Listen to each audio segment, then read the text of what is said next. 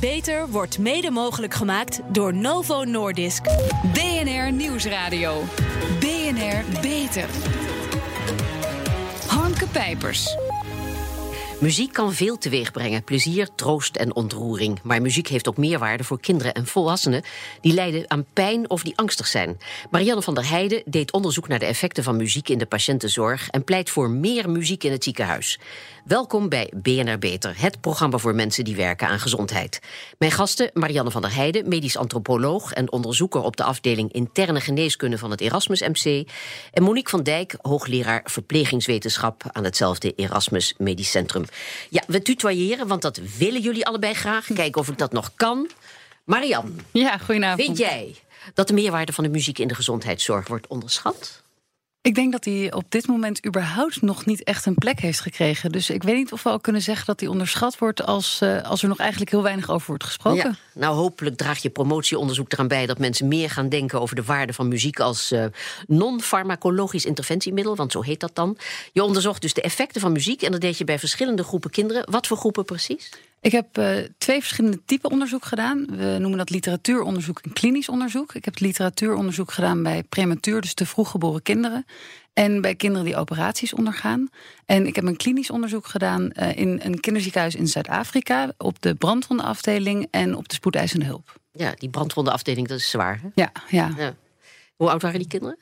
Nou, gemiddeld waren ze rond de drie jaar. Dus dat zijn echt hele jonge kinderen. En soms lagen er wat oudere kinderen, maar over het algemeen echte kleintjes. Ja. Dat je naar Zuid-Afrika bent gegaan, dat is iets waar jij ook een rol bij hebt gespeeld, Monique? Ja, min of meer wel. Ik Mhm. kom daar nu vanaf 2005 in dat kinderziekenhuis eh, in Kaapstad. En ehm, ik was zelf ook heel erg onder de indruk van die brandwondenafdeling... waar jaarlijks 1300 kinderen worden opgenomen Mhm. met brandwonden. En dat zijn inderdaad vaak hele jonge kinderen. Ja. En je, je kwam erachter dat daar een muziektherapeut werkte? Ja, en daar liep een gegaan? muziektherapeut rond. Ja? En eh, dat verraste me, omdat het verder als staatsziekenhuis... natuurlijk nou niet echt een heel luxe omgeving is. Ja. Maar met eh, sponsoringen van, eh, vrij, van privémensen konden ze dat bewerkstelligen. En het viel wel op hoe enorm effect dat had. Wa- Was je er toen al mee bekend? Nee, eigenlijk helemaal niet. Oh ja. Maar het sprak je aan. Of Het zoiets. sprak me aan, precies. Ja, nou, in het onderzoek bij kinderen op de spoedeisende hulp hè, onderzocht je wat effectiever was tijdens een pijnlijke behandeling. Want er waren verschillende manieren om kinderen dus afleiding te bezorgen. Naar muziek luisteren of naar een tekenfilm kijken. Nou, Ja. vertel, wat werkt het best? Nou, tot mijn verbazing kwam uit het onderzoek dat muziek eh, wat effectiever was dan het kijken naar een tekenfilm. Nou, zit er wel een bepaalde nuance bij, want je moet bedenken dat was tijdens een pijnlijke procedure. Dus dan ga je gelijk wel afvragen: kan een kind dan wel een tekenfilm goed zien? Ja. Ehm, maar ja, opmerkelijk was wel dat de muziek het toch wat beter leek te doen dan de tekenfilm. Ja. Ehm, en naar wat voor muziek lieten, eh, wat voor muziek kregen die kinderen te horen? Ja, dus eh, op de spoedeisende hulp hebben we gewerkt met wat we dan een recorded muziekinterventie noemen. Dus dat is gewoon het luisteren naar van tevoren opgenomen muziek. En het was heel erg leuk, want we hebben de lokale muziektherapeuten gevraagd om speciaal muziek daarvoor te componeren. En dat hebben we gedaan zodat de kinderen dus ook niet een bepaalde associatie hadden met muziek. Of dat ze niet dan later in het jaar eh, een keertje een liedje horen en dan met nare herinneringen weer aan het ziekenhuis. Ja, wat, wat een goed denken. idee. Ja. Ja, je moet. eh, mensen zijn vaak verrast. Je denkt van, oh, muziek in het ziekenhuis, dat is een open deur en dat kan vrij makkelijk. Maar nou ja, er komen heel veel andere vragen ook bij kijken. Zoals dit soort vragen. Hè. Wat voor muziek doe je dan? Wanneer moet je het eh, toedienen? Hoe lang? Dus we zijn nog, eh, ja. Er is nog veel te doen in dit Ja. vakgebied. Zeg, en bij de brandwondenafdeling, daar hadden we het al over, Ja. heb je samengewerkt met een muziektherapeut. Ja. Die, die had dus geen vast, maar die speelde dus zelf, hè, een instrument. Ja. Wat, wat speelde die? Wat, doet, wat deed hij? Nou, de live muziektherapie kan je meer zien als een manier waarop een therapeut met de muziek een kind van de ene emotionele staat in een andere emotionele staat probeert te krijgen. Dus je moet je voorstellen op zo'n brandwondenafdeling. Nou, je zei het net al, dat is een verschrikkelijke situatie waar die kinderen in zitten. Heel veel pijn, heel veel angst. Dat verband wisselen is zo vreselijk. Precies, en dat is ook waar eh, mijn onderzoek over ging, precies daarover. Ehm, en dan zijn sommige kinderen bijvoorbeeld heel erg boos als ze uit die procedurele kamer komen. En dan merk je ook, een kind komt naar buiten en is hard aan het huilen. En die muziektherapeut die probeert dan eerst het kind te matchen, dus de mood van het kind te matchen. Sorry dat ik de hele tijd Engelse woorden gebruik, maar het Ja. is toch een beetje lastig Nou, uit te leggen soms. Ehm, en dan probeert hij dus middels die muziek het kind van de ene staat naar de andere te brengen. Door Ja. eerst de muziek te matchen aan dat gejammer, aan dat wah, wah, wah geluid bijvoorbeeld. Ja. Om vervolgens wat zachtere of wat vrolijkere muziek te Kon je spelen. er tegen? Tegen, Ja. tegen die je situatie. Niet even meegehuild? Ja, uiteraard. Nee, het is hartverscheurend. Zo'n zo'n brandwondenafdeling is absoluut verschrikkelijk. Maar ja, het klinkt misschien een beetje eh, propaganda. Maar het was zo mooi om het werk van die muziektherapeut te zien. Ja, dat geloof ik. En ook om te zien wat niet alleen wat het met die kinderen deed, maar ook wat het met de ouders deed. En wat het met de verpleegkundigen en met de artsen die er werken deed. Want die Ja. zijn zelf natuurlijk ook getraumatiseerd. En Ja. dan zie je dat die muziek een stukje normaliteit brengt in het ziekenhuis. En ik denk dat dat een absolute meerwaarde heeft. Maar goed, eh, naar het feit dat muziek invloed kan hebben op iemands gemoedstoestand. Niet Ja. altijd, maar meestal wel. Er is al vrij veel onderzoek naar gedaan. Waarom ben je dit promotieonderzoek gaan doen? Nou, er is denk ik een verschil tussen eh, gelijk hebben en gelijk krijgen. Ja. Ehm, en ik denk dat heel veel mensen die vragen ook van... Nou, waarom moet je dit nou doen? We weten Ja. het toch al? Maar wat wij weten en wat geaccepteerd wordt in een ziekenhuis... en in de medische zorg, dat is niet hetzelfde. En we hebben met elkaar afgesproken dat we in principe... in ziekenhuizen en in de medische zorg en de patiëntenzorg... pas iets doen als iets redelijk en goed wetenschappelijk onderbouwd is. Ja. Nou, we zijn wat dat betreft een van de weinige onderzoeksgroepen in Nederland... Hè, vanuit het Erasmus MC ehm, die dit doen. Ja. Maar Monique van Dijk, muziek als therapie hè, wordt al gebruikt in sommige ziekenhuizen, ook al vrij lang. Eh, wordt de waarde van wat dan eh, vaak muziektherapie wordt genoemd onvoldoende erkend? Ja, ik denk dat heel veel, heel veel mensen in de, in de medische hoek eh, muziektherapie niet kennen. Wel het luisteren naar muziek, maar Ja. wat muziektherapie inhoudt, dat is echt vaak heel erg onbekend. Ja. Dat is in de psychiatrie misschien eh, wel, omdat daar veel vaker gebruik wordt gemaakt van muziektherapeuten. Maar in, de, in, de, zeg maar in meer de somatische hoek van het ziekenhuis is het echt niet bekend. ja, wordt er zelfs een beetje op neergekeken?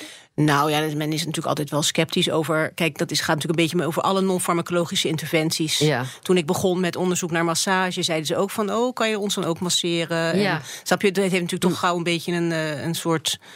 Ja, krijgt toch mensen een beetje een gevoel van: Oh, dat is een beetje soft gedoe. Ja, maar het, is dus afhankelijk eh, tot op heden van, van een bevlogen arts of een therapeut. Hè? Ja. Ja.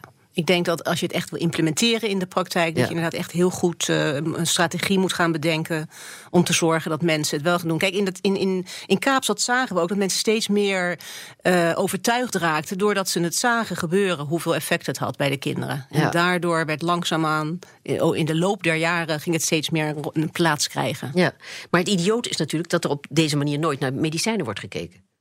Zo van, eh, ja, nou ja, goed, het ene moment Nou, ik moet zeggen, wel. bij het onderzoek bij eh, kinderen is wel zo dat we de afgelopen jaar ons heel erg bewust ervan zijn dat geneesmiddelen ook bij kinderen onderzocht moeten worden. Ja. En dat het bijvoorbeeld heel anders werkt dan bij volwassenen. Dus je, Ja, je merkt wel dat er een beetje. door, ja. Precies. Dus dat Ja. maakt al dat je merkt van, oh, met geneesmiddelenonderzoek zijn we ook eigenlijk nog helemaal niet zo ver als we eerst dachten. Ja. Daar moet zeker nog ook het nodige gebeuren. Als het gaat over eh, de invloed van muziek, hè, dan komen de onderzoeker van eh, Erik Scherder, hè, hoogleraar neuropsychologie, vaak ter sprake over de veranderingen die muziek in de hersentjes teweeg brengen. En de, de synapsen die gemaakt worden onder invloed van muziek. En dat je dat geheugen nog houdt, ook als de rest het niet meer doet. Maar dat is onderzoek, dat is niet wat jij doet, hè? Nee, dat klopt. Nou ja, wat onze onderzoeksgroep, eh, de muziek als medicijn onderzoeksgroep van professor Jekel, als doel heeft gesteld, is om echt voornamelijk ons te richten op klinisch onderzoek. En wat Erik Scherder doet, is natuurlijk geweldig onderzoek, maar die richt zich voornamelijk op kinderen met bijvoorbeeld autisme of Ja. op oudere mensen met dementie. En- dus die heeft toch wel eh, ja, andere doelstellingen. Terwijl wij echt proberen te kijken hoe kunnen we nou muziek in het ziekenhuis, in de dagelijkse patiëntenzorg gebruiken. als en is dat nuttig om te doen? Ja. Ja. Zeg maar, op basis van je promotieonderzoek kun je toch niet altijd de conclusie trekken dat muziek ervoor zorgt dat pijn en angst bij kinderen minder wordt. Vertel, waarom niet? Nou ja, ik heb natuurlijk onderzoek gedaan bij voornamelijk hele jonge kinderen. En dat is altijd moeilijk om daar onderzoek mee te doen. Je zit met wat voor een uitkomstmaten eh kies je. Ja. En tegelijkertijd denk ik dat überhaupt onderzoek naar dit soort therapieën erg lastig is.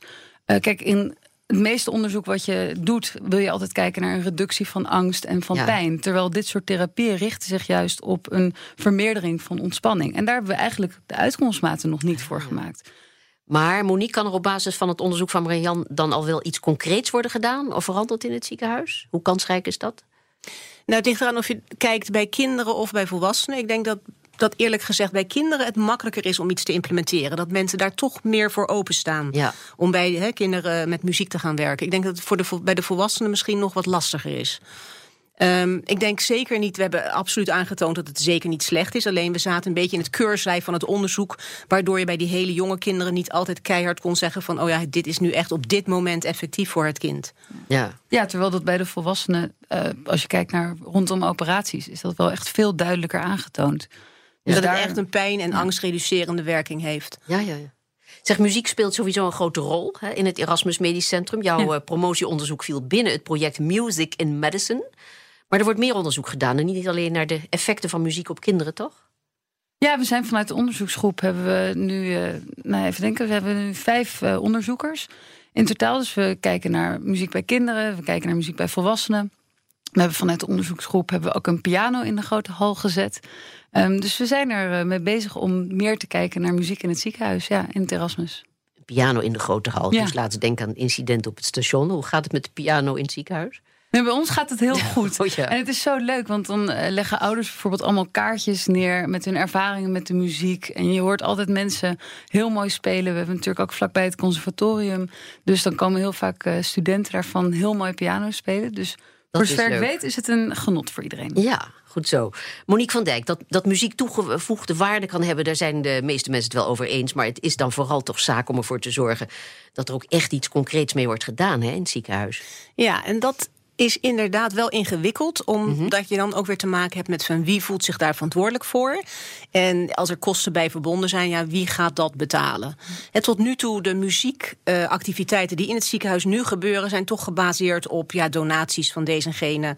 Er zijn mensen met een cello of met een gitaar die langskomen. En dat zijn geweldige initiatieven, maar er is niet echt nog iets structureels. Ik denk dat bijvoorbeeld als je kijkt naar muziek luisteren, als je dat wil eh, stimuleren bij patiënten die bijvoorbeeld voor een operatie komen, moet je heel goed gaan bedenken: nou wie gaat dat nou regelen? Wie gaat zich nou verantwoordelijk vo- voelen om te zorgen dat, dat die patiënten dat ook weten en ook van Ja. tevoren bijvoorbeeld muziek meenemen? Er zijn helemaal niet zulke hele grote dingen, maar om dat soort zaken te zorgen dat dat consequent gebeurt, is echt ingewikkeld. Ja, ehm, Monique van Dijk, ja, we zouden tutoyeren, nietwaar? Zo. Pijnmeting en behandeling van pijn staan al 23 jaar centraal in jouw werk. Kijk je hierbij ook vooral naar alternatieve behandelmethoden naast de gebruikelijke medicijnen, dus de non-farmacologische interventie? Nee, van origine zijn we eigenlijk begonnen met juist eh, medicijnen zoals morfine en paracetamol te onderzoeken bij hele jonge kinderen. En het interessante was dat we erachter kwamen dat die medicamenten eigenlijk helemaal niet goed onderzocht waren en dat de doseringen nog niet klopten. En toen was het belangrijk om dus ook te zoeken naar een goede manier om pijn te meten bij die hele jonge kinderen. Ja. Daar is geen gouden standaard voor. Dus wat we vooralsnog gebruiken is echt heel goed kijken naar gedrag. En kijken hoe het, hoe het kind reageert op het geven van bijvoorbeeld pijnstilling. Lijkt dat te helpen? Lijkt het kind meer ontspannen en kalm eh, na het geven van medicijnen? Ja, en, en massage schijnt daarin ook een rol eh, te spelen. Hè? Ja, we hebben ook onderzoek gedaan naar massage. En eigenlijk grappig genoeg hebben we hetzelfde probleem met die hele jonge kinderen. Dat het Ja. toch lastig is om hard te bewijzen dat massage helpt. Terwijl als je zelf rondloopt in het ziekenhuis, zeker in Kaapstad, nu de laatste keer ook weer. Als je ziet hoe die massagetherapeuten die kinderen door gewoon heel even te masseren weer rustig en kalm krijgt. Dan, ehm, ja, dan zie je dat het, dat het helpt. Dat, dat die Het klinkt aanraking. als, als iets wat heel goed bewijsbaar is, eerlijk gezegd. Ja, dat is ook zo. Maar het lastige is aan de medische wetenschap dat ze graag willen dat je dat doet op een, in een trial. Ja, waarbij ja. heel veel dingen vastgelegd moeten worden. Gemeten Terwijl- cijfers moeten te Ja, en terwijl die aromatherapie een massagedame, die gaat gewoon naar die kinderen toe en die kijkt, heeft dit kind op dit moment het nodig? Ja. En niet zo van, oh, om twee uur moeten we het doen, want we doen een onderzoek. Ja, dus dat is een beetje het dilemma. Ja. Marian van der Heijden, dit veld wordt ook wel integrative medicine genoemd. In de volksmond ook wel alternatief of complementair. Maar dat zijn beladen termen, hè? Ja, absoluut. Ja. Ja. De eh, term integrative medicine komt uit Amerika oorspronkelijk. En eh, daarin wordt eigenlijk ook nadrukkelijk eh, gezegd dat het niet alternatief is. Alternatief is natuurlijk in plaats van. Ja. Complementair is aanvullend aan. Dus ik denk ook dat het nooit een goed idee is om te zeggen dat dit soort therapieën eh, in plaats van iets anders kunnen. Maar dus daarom de term integrative medicine, de integratie van farmacologisch en non-farmacologische therapieën. Ja, zeg, en wordt die integrative medicine eh, wordt dat al serieus genoeg genomen? Of willen ziekenhuizen er in veel gevallen toch nog niet aan? Ook al zijn ze er min of meer bekend mee. Nou, je moet het eigenlijk meer een beetje op het wereldtoneel zien. Eh, integrative medicine in Amerika bijvoorbeeld is heel erg groot. Alle grote instituten hebben een afdeling integrative medicine. Er wordt ook wat meer en wat serieuzer onderzoek naar gedaan, onderwijs over gegeven. In Nederland zijn we daarin iets conservatiever. Maar je ziet ook hier dat er een trend gaande is. Dat steeds meer ziekenhuizen eh, hier interesse voor hebben. En steeds meer onderzoekers hier interesse voor hebben. Maar Ja. zoals Monique ook zei, we lopen allemaal een beetje tegen hetzelfde aan. Van hoe onderzoek je dit dan goed? Ehm, ja, dus dat, dat zijn de vraagstukken die opkomen. Ja, want eh, gewoon je observaties opschrijven, dat, eh, dat is een beetje uit. Hè? We moeten allemaal Ja, met dat wordt getallen niet meer komen. serieus Ja. genomen. Ja, en, en met observaties, daar kan je wel kennis mee opdoen, maar dat is niet bewijs. Tenminste, dat zien we als ehm, community niet als bewijs. Als suggestief, hè? Ja, of, of, in ieder geval individueel. Monique van Dijk, richten ziekenhuizen zich wat jou betreft nog te veel op de farmacologische interventies? Passen de aanvullende therapieën nu nog niet in het systeem van veel ziekenhuizen? Nee, dat denk ik inderdaad. En ik denk ook van de, nou ja, de manier waarop medicamenten worden gebruikt. Ik bedoel, er is ook veel in het nieuws geweest over het gebruik van opiaten, wat ook echt een zorgelijke toename laat zien. Dus ik denk dat het juist daarom heel goed is om te kijken van nou, wat kunnen we nog meer doen dan alleen maar die medicamenten geven. En nou ja, postoperatief kan je al denken aan simpele dingen als mensen ontspanningsoefeningen geven en dergelijke. Ja, dat muziek kan helpen, daar hebben we het dan net uitgebreid mhm. over gehad. Hè. Maar wat voor soort non-farmacologische interventies, want zo heet dat dan, zijn er nog meer? Nou ja, dus wat ik zei, hè, van ontspanningsoefeningen eh, kan je geven, houdings, uh, houdingsadviezen. Je kan inderdaad denken aan, uh, aan massage. In, maar ik vind dan wel dat dat iemand moet zijn die daar echt verstand van zaken van heeft. Je kan niet zomaar bij alle patiënten een beetje gaan lopen masseren. Dus, maar het gaat ook soms ook van ja, hoe je dingen brengt. En, en, en dus zulke simpele dingen als houding. Ademhaling, ja. Mm. In de Verenigde Staten vertelde je al, hè, is integrative medicine een onderdeel geworden van de mainstream geneeskunde.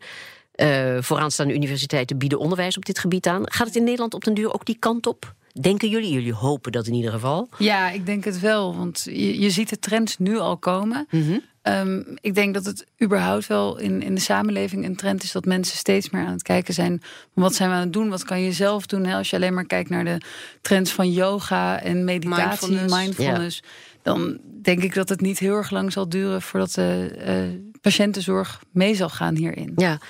Maar het is lastig hè, om dit uh, soort methode van pijn en angstbestrijding door te voeren in het hele ziekenhuis. Is, is dat echt zo? Is implementatie een groot probleem? Ja, implementatie is echt mm. een, een, vak apart. Het is heel erg moeilijk om te zorgen dat dit soort interventies blijvend gebruikt worden. Ja. Nou ja, geldt eigenlijk ook voor alle interventies trouwens. Het is niet alleen non-farmacologisch. Om te zorgen dat iedereen op een bepaalde manier werkt, ja, dat is, dat is bewezen heel erg lastig. Ja.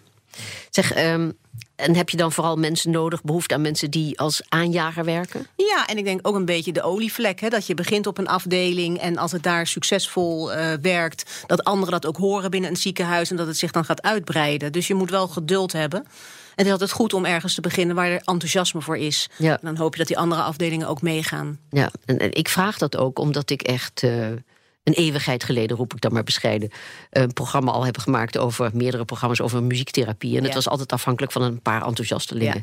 Ja. Zijn we eigenlijk nog geen meter opgeschoten wat dat betreft? Nou, dat is inderdaad wel. Ja, goed, als ik ook kijk naar bijvoorbeeld naar het ander soort onderzoek. Ja, het duurt heel erg lang ja, voordat onderzoek echt ook in de praktijk uh, uitgevoerd wordt. Ja. Maar goed, ik denk wel dat de tijd rijp is, hè? met inderdaad wat we net zeiden. Hè? Van die ja, mindfulness, yoga, meer bewust met voeding bezig. Dus als het nu niet lukt, dan moeten we ons ernstig uh, achter de oren krabben... wat we nou toch verkeerd doen. Goed, in ieder geval staan er twee uh, aanjagers bij mij hier aan tafel. Zeker. ja. ja. Uh, Marian, jij bent nu gepromoveerd. Je hebt nu die doctortitel op zak. hoe ga je nu verder? Het, het promotieonderzoek gaat niet in een laadje, hè? Nee, nee, absoluut niet. Nou ja, ik ga eigenlijk verder met wat ik altijd al aan het doen was. Uh, hier verder interesse voor hebben en verder onderzoek naar doen. Ik uh, ben ervan overtuigd dat dit een plek heeft en behoefte hebben in de zorg. Um, en ik denk dat het heel erg belangrijk is om dat ook goed te onderzoeken en op een correcte manier uh, in de zorg neer te zetten. En ja. ik denk dat onderzoek daar een uh, mooie methode voor is. Ja, en, en, bovendien, ja, ouders zijn natuurlijk een hele ontvankelijke groep. Hè? Ja. Ieder kind wat in het ziekenhuis is. Ja, ik heb echt wel ouders gehad die heel blij waren met een, een, een muziekcd'tje. En die dat dan elke avond gingen draaien voor hun kind. En dat je denkt, oh, hoe simpel is het? Ja, ja. je ziet het bij de volwassenen ook. Nou ja, dus- misschien ook denk ik aan uh, al die kinderen die hun ouders filmen. Maar ook die, het kind wat dan reageert op uh, muziek. Ja. Wie weet. Ja. Nou, heel veel succes en hartelijk dank Marjan van der Heijden en Monique van Dijk. Pioniers in de zorg. Onze zorgredactie speurt naar interessante medische innovaties binnen en buiten de muren van de universiteit. Waar werken ze aan en wat moeten wij hierover weten? Esther Jansen, waar wil jij het vandaag over hebben? Uh, over decubitus, oftewel doorlichtplekken. Daarvan uh, weten we dat die kunnen ontstaan als mensen vaak kwetsbare ouderen en chronisch zieken langere tijd in bed liggen of in een rolstoel zitten en moeilijk zelf van houding kunnen veranderen. En dit soort plekken kunnen veel pijn veroorzaken en het herstel duurt vaak heel lang. Ja, en daarom is het dus belangrijk om decubitus doorliggen te voorkomen. Ja, en daar komt dan ook het eh, pionierswerk om de hoek kijken. Want het innovatiefonds Fundicare investeert in een jonge Delftse start-up, Momo Medical. En die hebben een technologische oplossing ontwikkeld om doorlichtwonden te voorkomen. Ja, en wat is dat voor oplossing? Vertel. Het gaat om een uh, soort een bedsensor. Onder het matras wordt een sensorplaat aangebracht waarmee het lichtgedrag van een patiënt in kaart wordt gebracht. En in eerste instantie was het dan de bedoeling dat bij de verpleegkundige een alarm af zou gaan als die patiënt te lang in dezelfde houding zou liggen. Maar uh, uit onderzoek bij hun bleek dat dit in de praktijk vooral irritant werd gevonden door de verpleegkundigen. De alarmdruk in de zorg is natuurlijk al vrij groot. En er zijn veel apparaten die informatie verzamelen en de verpleegkundigen alarmeren. Dus nu werkt de sensor op een andere speciale manier. Zo vertelde Ide Zwager van Momo Medical mij. Dat heeft vorm gekregen in eigenlijk een ringvormige uh, ja, lichtcirkel. Uh, die um, langzaam oploopt in de tijd zolang de patiënt in dezelfde houding ligt. En op drie kwart eigenlijk, als het bijna tijd is om in te grijpen, wordt hij geel. Dus als gedurende die periode de verpleegkundige bij het bed is, kan ze eigenlijk besluiten om al ja, te in te grijpen of te anticiperen. En daardoor heb je dus ook geen alarmen meer en past het veel beter in je routine. Ja, wat, wat wil het bedrijf nu met de investering precies gaan doen? Ja, ze testen de bedsensor sinds begin dit jaar in het Reinier de Graaf Gasthuis en het Pieter van Voorrees verpleeginstelling. Uh, en met de investering van Fundicare kunnen ze de certificering van het apparaat afmaken en de eerste echte stappen naar de markt brengen. Ja, en uiteindelijk moet dan iedereen die risico loopt op doorlichtplekken, wat hem betreft, zo'n bedsensor krijgen. En ze beginnen natuurlijk nog mm -hmm. klein, maar dat zouden ze natuurlijk wel willen. Uh, en ze richten zich met de sensor nu vooral op doorlichtplekken. En daar willen ze eerst in groeien, ook internationaal. Maar de sensor kan nog meer meten, bijvoorbeeld de ademhaling en de hartslag. En daar kunnen ze dan uh, binnen de zorg nog veel meer mee doen. Dus wie weet kan dan uiteindelijk elk ziekenhuisbed zo'n sensor hebben. Ja, wie weet. Esther Jansen, dank je wel. Tot zover deze uitzending van BNR Beter. Op bnr.nl slash beter is deze uitzending terug te luisteren... of on demand via de BNR-app, Spotify of iTunes. We zijn ook op Twitter te vinden onder BNR Lifestyle. Heeft u tips voor ons, ideeën? Laat het ons weten. Ik ben Harmke Pijpers. Graag tot een volgend spreekuur. BNR Beter wordt mede mogelijk gemaakt door Novo Nordisk.